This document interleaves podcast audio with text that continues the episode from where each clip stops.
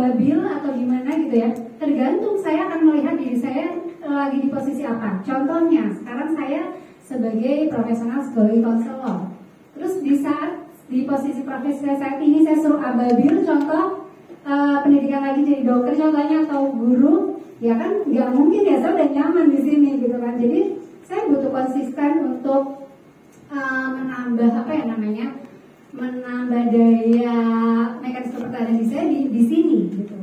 Tapi kalau saya lagi ngobrolin jadi diri saya contohnya sebagai mama-mama gram lah ya yang punya beberapa follower di Instagram, saya harus berpikir jadi anak yang ababil. Saya harus terus uh, berpikir untuk bagaimana diri saya uh, kreatif bisa bertahan di industri per Instagraman istilahnya kayak gitulah ya.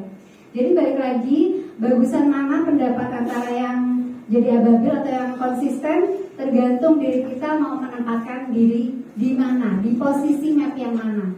Karena sebenarnya sebaik-baiknya manusia adalah yang bisa punya sudut pandang kayak heli helikopter. Kita punya sudut pandang yang luas, kita bisa melihat dari atas uh, bagaimana posisi kita terbaik atau posisi